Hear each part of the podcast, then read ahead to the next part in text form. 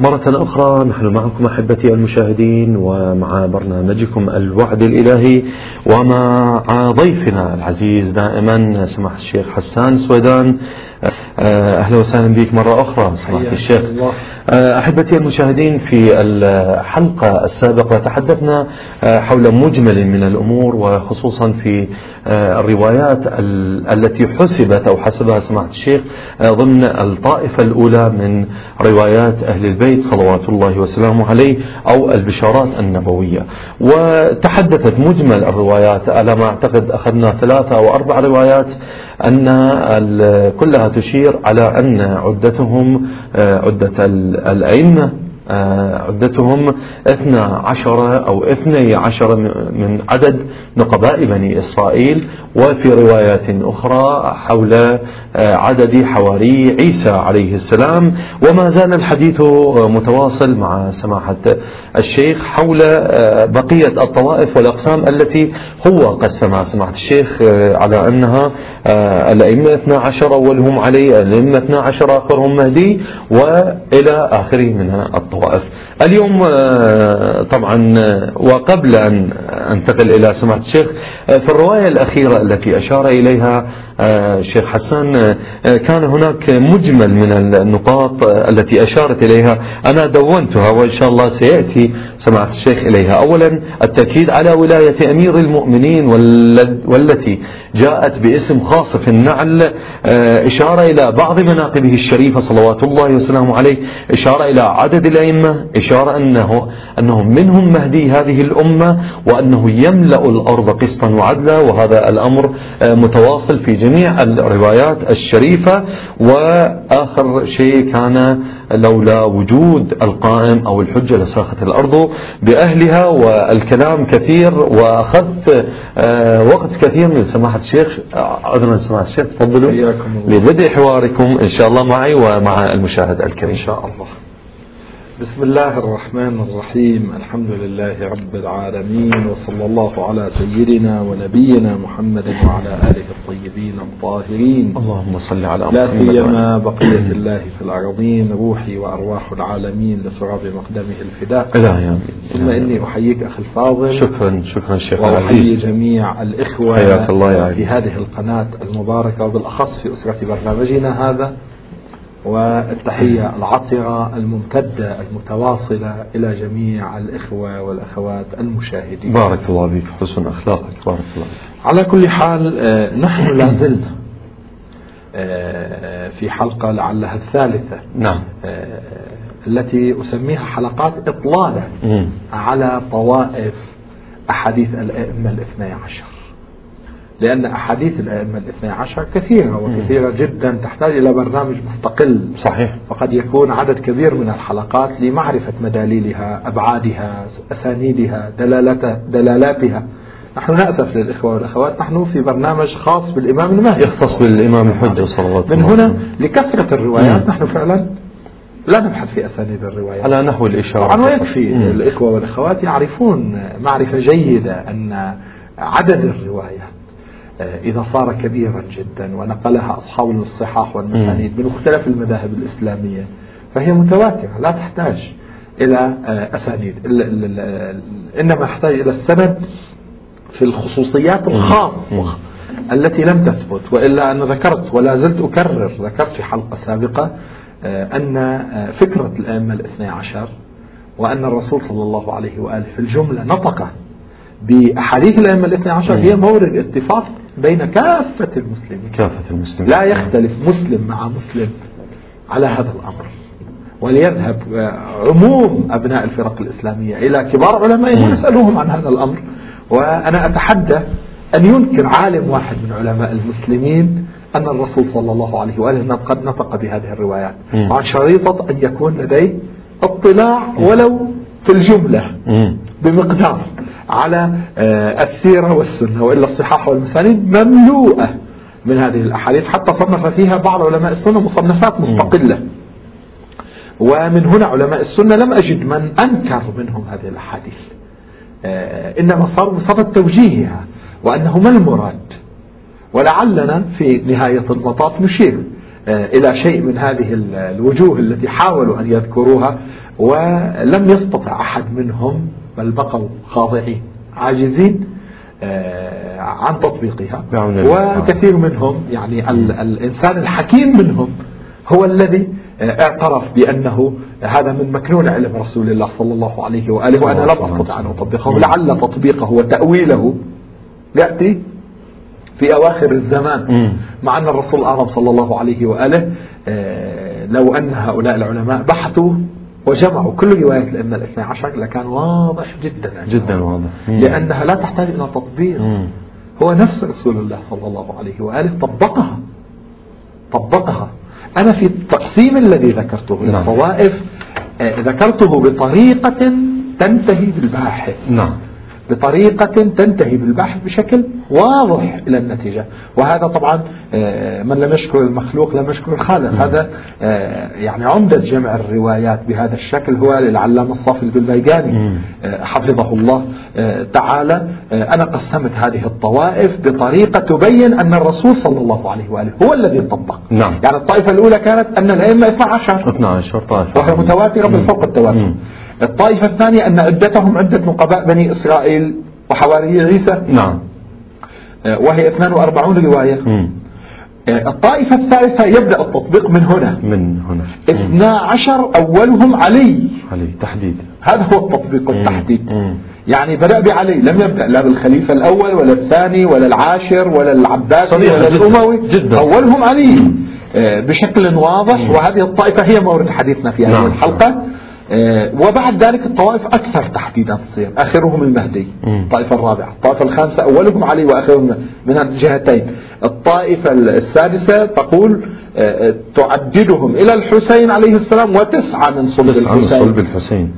آه، الطائفة السابعة تقول وتسعة من صلب الحسين والمهدي منهم والمهدي منهم. أنا مم. أكرر هالمعاني حتى ترسخ نعم نعم نعم. وتثبت. وتركز في آه، ذهن الإخوة آه، والأخوات مم.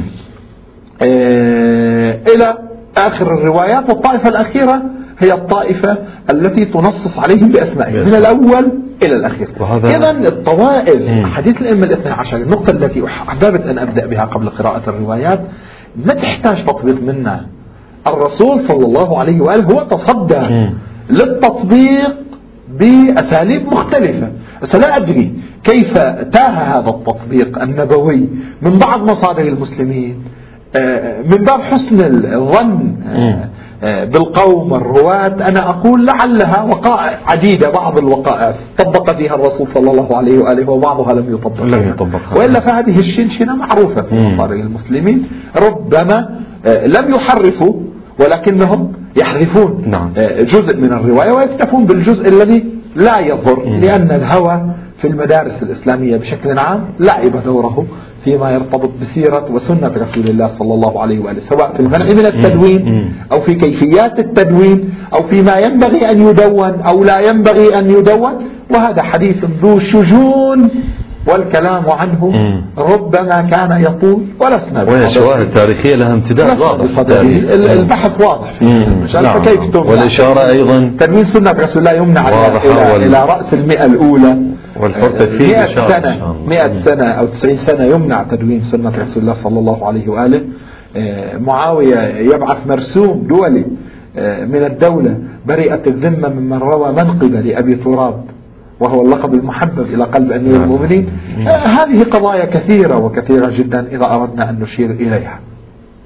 آه، المهم أنها ليست أول قارورة. كسرت في الإسلام. على كل حال آه، أنا الآن مع الطائفة الثالثة. الثالث أن الأئمة 12 أولهم أولهم علي. علي عليه السلام. قلنا في حلقة سابقة بأنه نستطيع أن نقتنص هذا المضمون من 179 رواية. أنا أكتفي طبعا ببعض الروايات نعم. على عادتي نعم. آه، لأن بحثنا إطلال على هذه الروايات والهدف منه الوصول إلى الإمام صلوات بارك الله. عليه الإمام المهدي آه، عليه السلام أنا الرواية التي أبدأ بها هي الرواية التي أخرجها الشيخ الصدوق رضوان الله تعالى عليه في كتاب كمال الدين وتمام النعمة في الجزء الأول صفحة 284 الحديث السابع والثلاثون. أيضا موجود في كتاب سليم بن قيس في طبعة المجلد الواحد صفحة 38 مم. على كل حال هذه الرواية مروية مسندة بإسناد ينتهي إلى سليم بن قيس. قال سمعت عليا عليه السلام. وسليم كما تعلمون رجل مشهور في نعم. آه، التابعين من خلص أصحاب أمير المؤمنين صلوات الله وسلامه عليه. كتابه أيضا من أجل أجلة الكتب. م. ولا شك في آه، هذا آه، الأمر. الرواية هنا ليست مأخوذة من كتاب سليم مأخوذة من الشيخ الصدوق. الشيخ الصدوق. رضوان الله تعالى عليه. قال سمعت عليا عليه السلام يقول ما نزلت على رسول الله صلى الله عليه وآله وسلم آية من القرآن إلا أقرأنيها. وأملاها علي وكتبتها بخط. إذا علي كاتب الوحي. كاتب الوحي. هذه نكتة أولى. وعلمني تأويلها وتفسيرها وناسخها ومنسوخها. هذا هو العلم. نعم علم الكتاب. هذا دراية الكتاب في الحقيقة. ومحكمها ومتشابهها. الكثير يقول ومتشابهها. مع أن القرآن الكريم نقول منه آيات محكم محكمات هن أم الكتاب وأخر متشابهات. ومتشابهها. ودعا الله عز وجل لي دعاء الرسول مستجاب طبعا. أن يعلمني فهمها وحفظها. فما نسيت آية من كتاب الله. الله. وحاشاك يا أمير المؤمنين. وأنت القرآن الناطق. ولا علما أملاه علي. فكتبته. لم أنسى شيئا يعني. وما ترك شيئا علمه الله عز وجل. يعني الله علمه للنبي. من حلال ولا حرام ولا أمر ولا نهي. وما كان أو يكون من طاعة أو معصية إلا علمني وحفظته. ولم أنس منه حرفا واحدا. ثم وضع يده على صدره. يعني النبي على صدر نعم على صدر أمير المؤمنين. ودعا الله عز وجل أن يملأ قلبي علما وفهما وحكمة ونورا. لم أنس من ذلك شيئا ولم يفتني شيء لم أكتبه. فقلت يا رسول الله أتتخوف علي النسيان فيما بعد؟ يعني بعد ارتحالك مثلا من نعم. الدنيا؟ فقال صلى الله عليه وآله ليس أو لست في نسخة أخرى أتخوف عليك نسيانا ولا جهلا.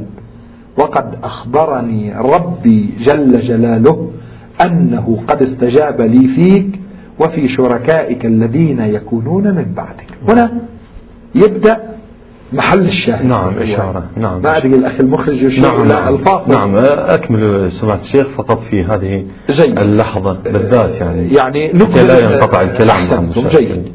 قال أتخوف عليك نسيان لا أتخوف عليك نسيانا ولا جهلا وقد أخبرني ربي جل جلاله أنه قد استجاب لي فيك وفي شركائك الذين يكونون من بعدك من بعدك طبعا أنا جئت بها كرواية نبوية لأن علي يروي عن النبي هنا نعم. ويحق لعلي نعم. بل هو الذي يحق نعم. له أيوة. أن يروي عن رسول الله صلى الله عليه وآله فقلت يا رسول الله ومن شركائي من بعدي فقال الذين قرنهم الله عز وجل بنفسه وبي.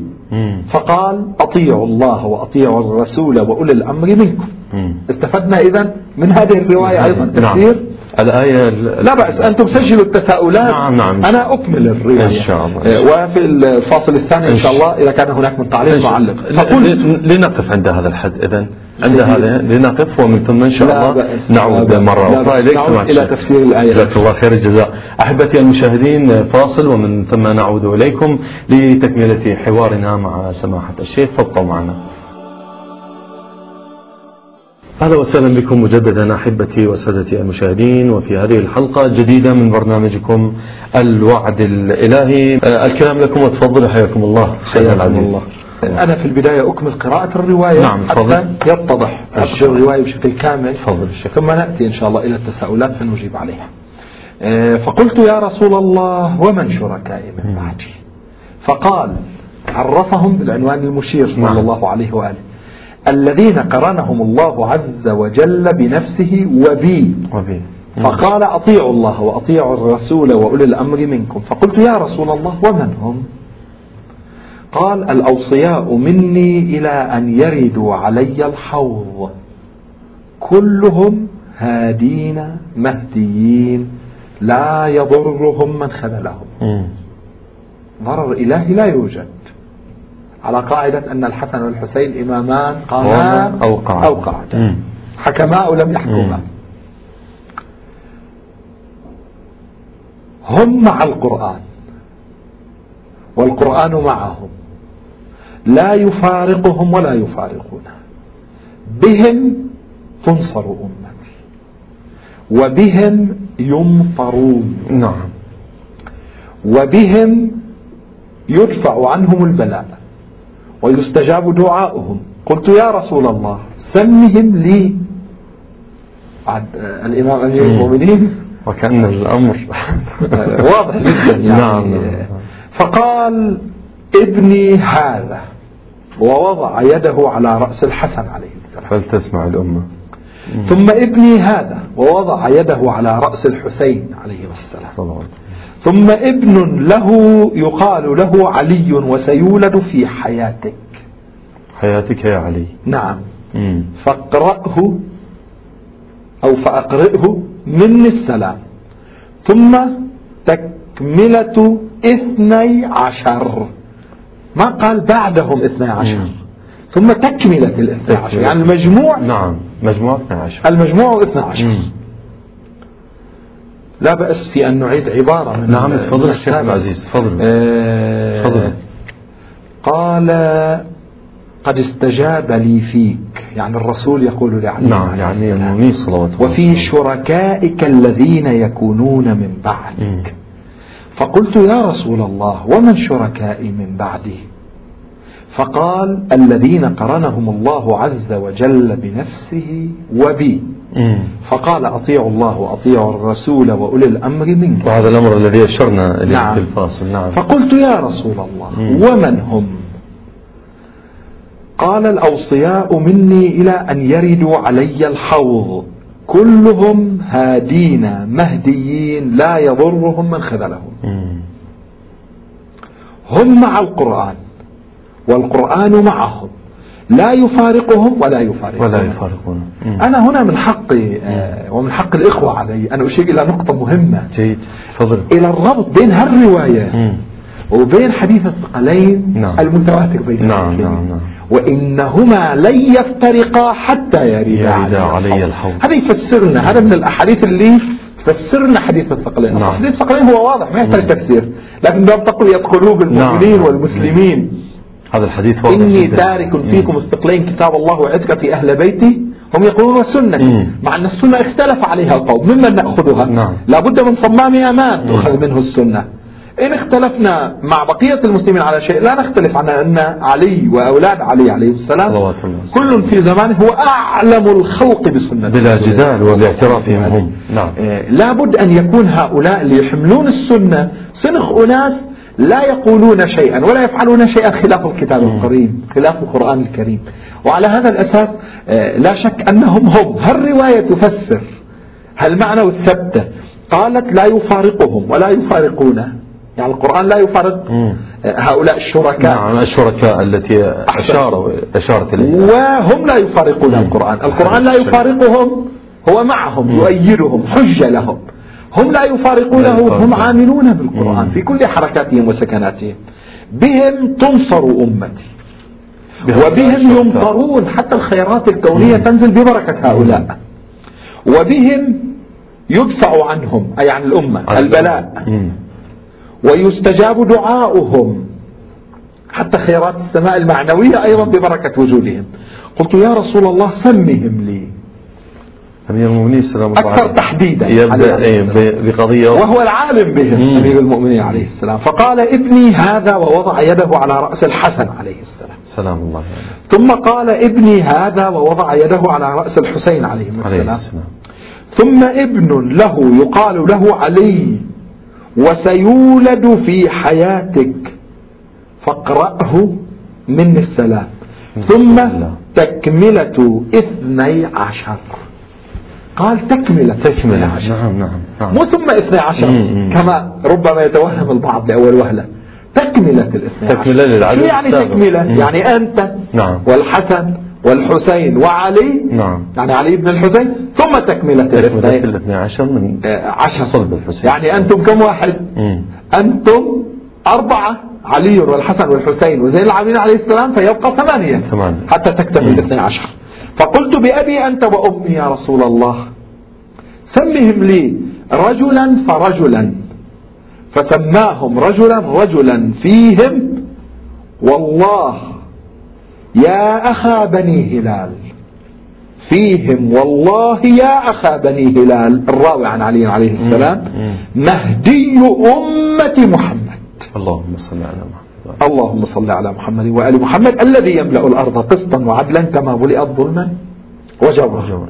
والله إني لأعرف من يبايعه بين الركن والمقام وأعرف أسماءهم وآباءهم وقبائلهم والقول لأمير المؤمنين. القول كله نعم. لأمير المؤمنين صلى الله عليه وسلم صلوات الله. الرواية صريحة في أنها من هذه الطائفة. نعم نعم. من الطائفة آه، الثالثة بحسب تقسيم أولهم علي. أولهم علي. نعم،. وهي أيضا تصلح شاهد للطائفة الرابعة. الرابعة. آخرهم المهدي. المهدي نعم. وتصلح شاهدا أيضا لإثبات أن المهدي من صلب الحسين صلوات الله وسلامه عليه نعم. لأنه من أولاد ابنه علي. عليه أفضل الصلاة والسلام وللطائفة الخامسة أولهم علي وآخرهم المهدي المهدي مم. إحنا جئنا بالر- بالرواية هنا لتكون من الطائفة الرابعة الرابعة. هذه الطائفة مم. طبعا قلت أنا 179 رواية يمكن آه، أن تذكر آه، لهذه الطائفة نعم. آه، أقتصر على آه، روايتين قصيرتين لإثبات هذا المعنى آه، رواية الكافي بإسناده الصحيح والكافي للشيخ الكليني وهو كليني. أجل كتبنا نعم. الروائية قال قال رسول الله صلى الله عليه وآله لأصحابه آمنوا بليلة القدر. إنها تكون لعلي بن أبي طالب ولولده الأحد عشر من بعدي قد يقول قائل ما صرح هنا بالأئمة نعم أقول ليلة القدر لمن كانت لرسول الله صلى الله عليه وسلم. واضح جدا. لا أحد من المسلمين يقول بأن ليلة القدر يمكن أن تكون لغير حجة الله على الأرض. لكن هم يقولون لا يوجد حجة الله على الأرض بعد رسول الله. من هنا رفعت ليلة القدر. مثلا. بالمعنى الكامل نعم، نعم.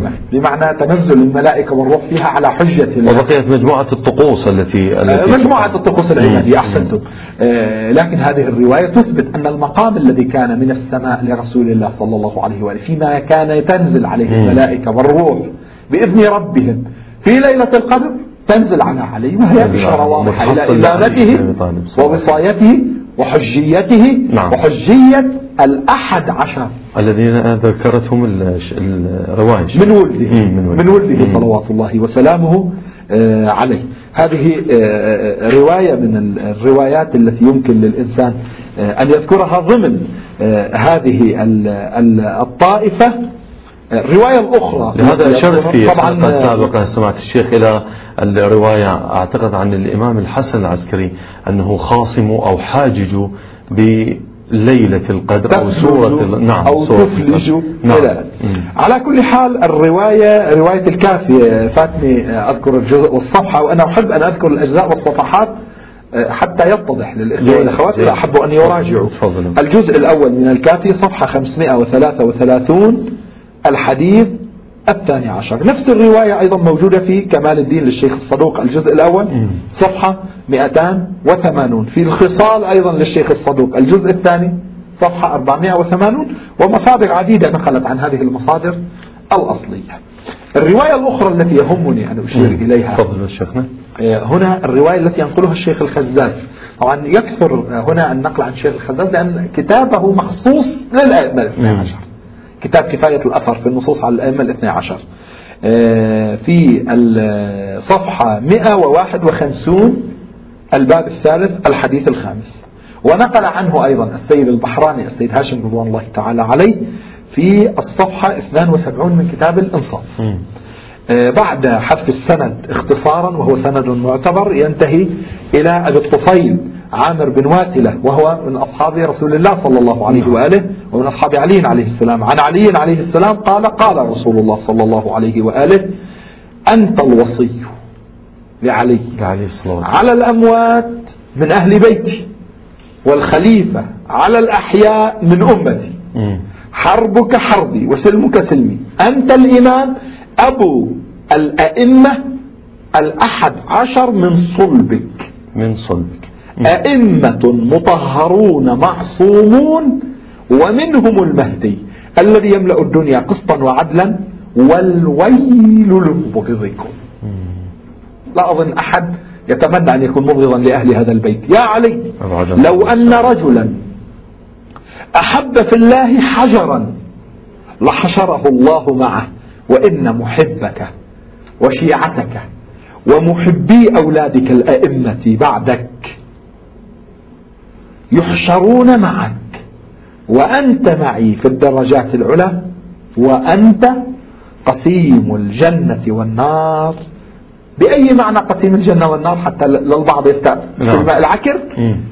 تدخل محبيك الجنة ومبغضيك النار. يعني ببركة حبهم لك يدخلون نعم. الجنة. نعم. والمبغضون هنا استذكرت حديث رسول الله صلى الله عليه وآله والمروي عند السنة والشيعة. يا علي هلك فيك اثنان محب غال ومبغض قال المحب الوسطي هم شيعة أهل البيت عليهم جميعا أفضل الصلاة والسلام. والباب مفتوح. نعم. مفتوح للأمة بأصلها لكي تنجو لأن الله سبحانه وتعالى يريد النجاة لكل البشر إن شاء الله إن شاء الله. لأن النبي أرسل للعالمين كافة. الحمد لله الحمد لله. هذه الرواية نوعا ما يعني هناك تصريح يختلف يعني كثيرا عن التصريح الذي جاء في الروايات الباقية. أئمة معصومون هناك إمامة هناك أحسنتم هناك. أحسنتم. يعني الرواية الشيعية بامتياز نعم يعني مطابقة للموازين التي نعتقد بها في مدرسة أهل البيت عليهم السلام. إذا أجعل نحن نستعرض جميع الروايات إن شاء الله. الرواية الشيعية والسنية لكي يثبت فؤاد كل الإخوة والأخوات الذين ينظرون إلى هذه الشاشة ويستمعون إلينا. ونحن هدفنا والله على ما نقول شهيد هو إيصال سنة رسول الله صلى الله عليه وسلم. إن شاء الله خالصة وهذه غايتنا إلى جميع المسلمين إن شاء الله. إن شاء الله تعالى. إذا أذهب إلى فاصل ومن ثم أعود إليك سمعت الشيخ لتكملة ما آه، قد يكون آه، إن شاء الله ليس ناقصا وإنما قد تكون هناك إشارات وإلا دائما الفاصل أسئلة الإخوة والأخوات إلى المشاهد الكريم العزيز دائما علينا. سادتي المشاهدين فاصل ومن ثم نعود إليكم. فابقوا معنا أحبتي وأعزتي. مرحبا بكم مجددا أحبتي المشاهدين وفي هذه الحلقة وفي تكملة هذه الحلقة من برنامجكم الوعد الإلهي. أه سمحت الشيخ آه، يبدو أننا قد نقف عند هذه الرواية. نعم نحن نكون يعني قد أطلينا في الحقيقة على نعم. الطائفة الثالثة. وقلت أنا أكثر من رواية من الروايات اللي قرأتها تصلح شاهد للرابعة والخامسة والسادسة والسابعة أيضا آه، من هذه في الطوائف. لكن سنأتي إن شاء الله نحن كلما آه، صارت الروايات أكثر تحديدا كلما احتجنا أكثر إلى التنصيص صحيح. سيشاهد الإخوة والأخوات بكل تجرد كيف أن هذه الطوائف تقود بعضها إلى البعض الآخر وتعاضد بعضها يعاضد البعض الآخر. وكيف تتعاضد؟ النقطة اللي في تقديري أنا أرسلتها رسالة للإخوة والأخوات. نعم. ما ركزت عليها كثيرا. قضية ارتباط الرواية اللي قرأتها قبل قليل. لا يفترق حتى يدع علي الحوض. في قضية رواية حديث الثقلين المتواتر لدى كافة المسلمين اللي هو أمان للأمة من الضلال. ما إن تمسكتم بهما لن تضلوا بعدي أبدا. وتطبيق هذا المعنى على علي وأبناء علي والمهدي صلوات الله وسلامه عليه. الله فالآن الاعتقاد بالإمام المهدي هو الأمان من, من الاستمساك به صلوات الله وسلامه عليه. هو الأمان من الضلال. ومن لا يريد من المسلمين أن يكون آمنا من الضلال بعيدا عن الانحراف والهوي. لا سمح الله. يتمسك بغيره وهذه الآن إذا لديكم تساؤلات نعم. نعم. سواء حول ما قرأت من روايات أو حول أسئلة الإخوة والأخوات الذين يرسلون إلينا. إن شاء الله نحن مع, مع الأسئلة. أنتم إن. وضحتم بما فيه الكفاية وإذا كان هناك شيء ما يأتي من خلال الرسائل المشاهد بالتأكيد المشاهد الكريم يتابعنا دائما. وإذا كانت هناك نقطة في الحلقة القادمة إن شاء الله تعالى سنثير بعض إذا كان هناك شيء. آه، سمحت الشيخ سؤال. نعم. آه، طبعا هذا الحديث مجمل الحديث وإلا أنه آه، هو حديث الإمام الحسن العسكري صلوات الله وسلامه عليه لعلي بن مهزيار. نعم. يعني مجمل الحديث. كنت أود أنه آتي ب يعني بنص الحديث وإن شاء الله في الحلقة القادمة سوف آتي به. يعني هناك إشارة إلى الإمام الحجة صلوات الله المهدي. عليه أفضل الصلاة والسلام أن هناك توصية من قبل الإمام الحسن العسكري لعلي بن مهزيار أنه آه، آه، قال إلى الإمام اتخذ من الجبال أوعرها ومن السهول أضيقها إلى آخره هذه الرواية وإن شاء الله نأتي بها في نعم. الحلقة القادمة يعني أنا أقول لماذا يعني هذا يعني هذه الوصية بالذات آه، يعني ألا يكون في داخل المدينة يعيش مع الناس قريب عن الناس نعم. يعني هذا التساؤل يأخذنا لماذا هذا البعد؟ كأنما هي حالة إبعاد الإمام سلام الله عليه. واذهب أيها الإمام إلى تلك المناطق التي عادة كما نعرف أنه لا نعم. يسكنها البشر يعني. يعني كيف تنظرون أنتم إلى هذه؟ يعني أو مثل هذه؟ نعم نعم. آه، الحقيقة وأنتم تقرؤون آه، هذا السؤال أو تشيرون إليه آه، جاء إلى ذهني ما نقرأه في دعاء الندبة نعم. آه، أين استقرت بك النوى, بك النوى. أبي رضوى أم غيرها أم ذي طوى عزيز علي أن أرى الخلق ولا ترى صلوات الله وسلامه الله سيدي. ومولاي. آه، نجيب على سؤالكم. لكن قبل الجواب أنا أحب أن أنبه الإخوة والأخوات على نقطة. تفضلوا. قد لا تهم الجميع لكن قطعا هناك لا بس إشارة حلو. وهي. نقطة من الضروري أن يتعرف عليها الإخوة والأخوات. ال- الذين يطالعون الروايات. الشريفة آه، عندنا علم من أعلام هذه الأمة ومن أعلام التشيع وهو علي بن مهديار رضوان الله نعم. تعالى عليه وكثيرا ما يقرأ الإخوة أحاديث لعلي بن مهديار أحاديث مروية عن الإمام الجواد عليه السلام سواء في الفقه أو في غير الفقه. وأحاديث مروية عن الإمام العسكري كما أشرت نعم. وأحاديث أو قصص مهمة عن زمن الغيبة الصغرى وبدايات الغيبة الكبرى أيضا عن علي بن مهزيار. آه، الشيء المهم الذي أحب أن ألفت إليه أنظار الإخوة والأخوات أن علي بن مهزيار ليس شخصية واحدة. ليس شخصية واحدة. نعم علي بن مهزيار شخصيتان. هناك علي بن مهزيار الذي كان من أصحاب الإمام الجواد وهو راوي عن الإمام الجواد. نعم. وعلي بن مهزيار هذا هو نفسه الذي بقي إلى زمن الإمام العسكري عليه السلام. نعم. آه، وهذه شخصية لامعة معروفة وهو المدفون على ما هو المعروف والمشهور. في أهواز في منطقة أهواز. آه، هذا علي بن مهزيار لا شك آه، في أنه من أجلاء الأصحاب ومن علمائنا ومن عظمائنا رضوان الله تعالى عليه وهناك علي بن مهزيار الثاني والظاهر أنه حفيده حفيد علي لعله. آه ابن إبراهيم ابن علي بن مهزيار لعله ليس لدينا شيء قطعي. وهو علي بن مهزيار الذي عايش الغيبة الصغرى وبدايات الغيبة الكبرى. هذا علي بن مهزيار الآخر. نعم. قلما وجدت أحد حتى من المترجمين من علماء التراجم وعلماء الرجال حتى في مذهب أهل البيت من التفت إلى هذه النقطة وأشار إليها لكن بعض المحققين والمدققين جيد، معلومة. عليه. وهذه معلومة مفيدة نعم، لكن أيا كان علي بن مهزيار الأول والثاني كلاهما من العلماء والأجلاء والأولياء. والأتقياء والحمد لله. نبقى في سؤالنا. بالنسبة لمحل- في حدود سؤالنا. بالنسبة لمحل السؤال آه، الحقيقة آه، أصل أن أولياء الله سبحانه وتعالى في غير وقت أداء الوظائف الشرعية مع الناس أنه كانت لديهم عزلة يخلون فيها بينهم وبين الله هذا أمر مسلم. كل الأنبياء على هذا. رسول الله صلى الله عليه وآله بقي سنين في غار حراء. يتعبد لله سبحانه وتعالى بعيدا عن ضوضاء الناس بعيدا عن عما يلهي ربما. عن ذكر الله وإن كان هو صاحب قلب تولى الله رياضته لا يتلهى بشيء صحيح. لكن ورد في الروايات أن رسول الله صلى الله عليه وآله كان يجلس بعد أن يقوم من مجلسه لأصحابه وللناس كان يستغفر الله سبعين مرة.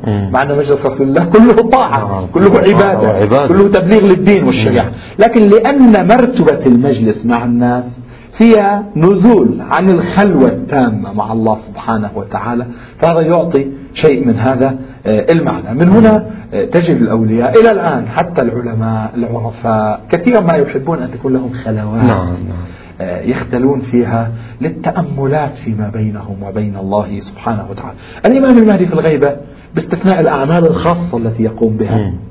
والوظائف الخاصة التي نعم. يقوم بها آه، لا شك أنه الإنسان المتفرغ لعبادة الله المتفرغ لطاعة الله آه، عز وجل قد إن صحت الرواية طبعا نعم. لا أجزم أن الرواية صحيحة سندا آه، أو صادرة عن الإمام العسكري آه، قد تكون وصية تشير إلى هذا المضمون المضمون وتصب. وتصب آه، الرواية بهذا الاتجاه وإلا نحن لدينا روايات معتبرة أكثر من رواية آه، تقول ونعم المنزل طيبة.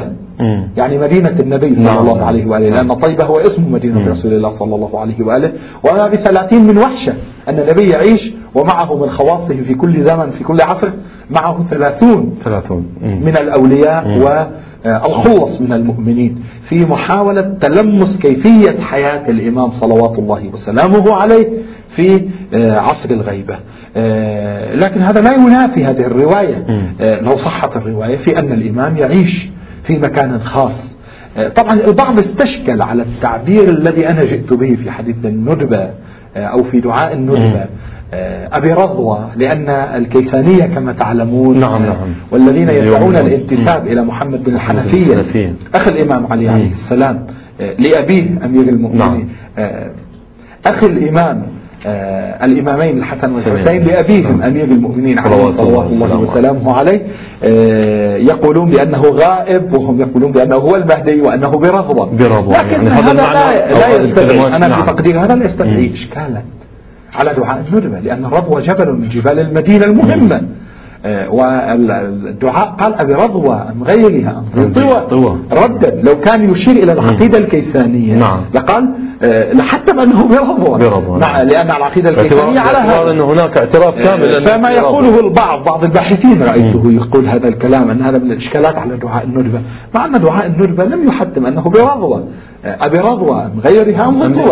مجرد أن الكيسانية يعتقدون أن محمد بن الحنفية آه، غائب في جبال رضوى وأنه سيخرج آه، وتعلمون أنه آه، هذا المعنى انتهى لأن نعم،. فرقة باسم الكيسانية انقرضت آه، وأقول الحمد لله من باب أن آه، فرق الضلال إذا انقرضت فالإنسان يحمد الله سبحانه وتعالى أن. لا يضلل به الحمد. خلق آتون كما ضلل بها خلق آه، ارتحل لكن أنا أحب أن أنبه أن محمد بن الحنفية كان أخلص. من أن يدعي لنفسه مثل هذه الأمور محمد الحنفية كان إنسانا آه، ردءا لأبيه ردء لأخويه ردء للإمام زين العابدين صلوات الله وسلامه عليه. آه، آه، لم يكن على مثل هذه العقائد إنما زعمت هذه العقائد آه، ونسبت إليه. وتعلمون أكثر من ادعوا أنهم آه، أصحاب فرق هم لم يدعوا هذا المعنى نعم. ادعي لهم بعد صحيح. وفاة. مثلا إسماعيل بن الإمام الصادق توفي في حياة أبيه لم يدعي شيئا رضوان الله تعالى عليه. زيد الله زيد الشهيد زيد الشهيد. كما يقول الإمام الصادق عليه السلام لو ظفر لوفى لإمام زمانه مم. كما في صحيحة العيس بن القاسم آه، لكن للأسف ماذا نصنع بالناس الذين آه، يذهبون آه، يمينا وشمالا يشرقون أو يغربون كما يقول الصادق عليه السلام شرقوا أو غربوا لن تجدوا علما خالصا صافيا إلا ها هنا ويشير إلى قلبه على قلبه قلبه الشريف صلوات صلوات الله وسلامه عليه. إذا آه، في جواب آه، الأخ أو الأخت لا أدري. آه، السائل أو السائلة. لا شك في أن هكذا وصية للإمام صلوات الله وسلامه عليه لولده المهدي قد تكون في هذا السياق في سياق العزلة والخلوة مع الله سبحانه وتعالى. طبعا هذا خارج إطار أدائه لوظائفه نعم. شأنه في هذا شأن آبائه الطاهرين والأنبياء والمرسلين صلوات صلوات الله وسلامه عليهم أجمعين. سمعت الشيخ لدينا من الوقت فقط ثلاث دقائق. آه، هذا طبعا سؤال. آه، حول آه، يعني مجمل السؤال أنا يعني أوضح المعنى مالته. نعم. يعني في قضية التقاء السفراء هذا السؤال من عندي أنا. نعم. يعني في قضية التقاء السفراء بالإمام صلوات الله وسلامه عليه أنت تعلم أنه في ذاك الوقت كانت عيون يعني الخليفة العباسي تتحرك تتحرك حول الإمام بالذات. إذا لو انتهى من قضية الإمام يعني لو انتهوا من قضية الإمام أنهم لم يجدوها. نعم. حركة السفراء وخصوصا أن السفراء ينقلون الكلام إلى الناس. نعم. ألا يعني يعني ماذا تعتقد أنت؟ هل هل هناك حركة يعني اتجهت نحو السفراء لمعرفة مكان الإمام صلوات الله وسلامه عليه؟ هذا موضوع طبعا طويل لا يمكن نعم. اختصاره في ثلاث دقائق لكن باختصار باختصار شديد. السلطان الله السلطان كان يعتقد أنه لا يوجد ابن للإمام العسكري عليه السلام. ها. يعني هنا كان يعتقد هذا. آه، من هنا حبس الجواري إذا كانت إحداهن حامل أو إلى ما هنالك. أما الآن الحديث اللي نتكلم كثيرا عن السفراء نعم. السفراء ما كانوا معروفين لعوام الناس. السفراء كانوا معروفين للخواص. للخواص يعني من الشيعة يعني من وكلاء قوم وكلاء البصرة آه، وكلاء الحواضر الإسلامية وكلاء الكوفة هم الكبار أحمد بن إسحاق فلان فلان يعني في قضية الاختراق يعرفون أحسنتم يعرفون السفراء فقضية الاختراق كانت نادرة وغير ممكنة بشكل وافي و آه، بشكل صحيح وسليم. مم. السفراء كيف يلتقون بالإمام؟ الإمام شخصيته غير محددة نعم. للعدو مم. للسلطان. نعم السفراء شخصيتهم أيضا غير محددة بعنوان كونهم سفراء ووكلاء خواص للإمام صلوات الله وسلامه عليه. من هنا؟ من الواضح أنه يتم اللقاء من دون أن يعرف أحد. مضافا إلى أن الله سبحانه وتعالى أخذ قرارا نعم بحفظ عبده وبإحياء أمر دينه الجهة الغيبية نعم. والمدد الغيبي نعم. الإلهي. من هنا السفراء كانوا يتعاملون بدقة عالية وبخطة محكمة جدا. ليست القضية كما كان البعض يتصور بعض السذج والبسطاء. يقول كيف تقولون بأنها آه، لا يعرف أحد وكذا مع أنهم كانوا تجار معروفين ببغداد فلان السمان وفلان إلى ما هنالك. الأب والابن العمريان كان آه، نعم. من تجار السمن كما نعم. تعلمون الدهن. الجواب أنهم معروفين نعم. نحن لا نقول بأنهم غير معروفين كأناس معروفون أنهم من أهل بغداد وأنهم تجار الدهن لكن بعنوان كونهم يلتقون بالإمام يتصلون غير معروفين. حتى في زمن الإمام العسكري أخي العزيز. جيد. كان عثمان بن سعيد وكيل الإمام العسكري ولم يكن معروفا بهذا العنوان. كان يضع المال الذي يرسله خلص الشيعة إليه في ظروف السمن ويرسلها إلى الإمام. آه، ينظر على أن هذه ظروف سمن ولا تعلم آه، ما هي آه، القضية. هذا بحث طبعا متشعب. لعلنا إن شاء الله في حلقات قادمة لا بس نبحث ما يحل هذه الإشكاليات إن شاء الله تعالى. إن شاء الله تعالى. شكرا جزيلا لكم سماحة الشيخ. وأشكرك على هذه الاستضافة الطيبة التي يعني أعطيت من وقتك وأنا أعلم أن وقتك مشغول أغلب الأوقات. آه، شكرا جزيلا سماحة الشيخ وأنا أتقدم أيضا بالشكر الوافر إلى أحبتي ومشاهدي برنامجنا الوعد الإلهي. آه، نذكركم أن البريد الإلكتروني الذي يظهر في أسفل الشاشة هو البريد الذي تتواصلون به معنا برسائلكم الكريمة وإن شاء الله تعالى نكون دائما متواصلين معكم في قضية طرح رسائلكم إن كانت أسئلة وإن كانت شبهات فإن كما أعلم أن آه، الشيخ آه، قلبه واسع ولديه الكثير من الأجوبة. شكرا لك يا سماحة الشيخ. آه، أحبتي المشاهدين هذا مقدار الخفاجي يحييكم. نستودعكم الله. والسلام عليكم ورحمة الله وبركاته.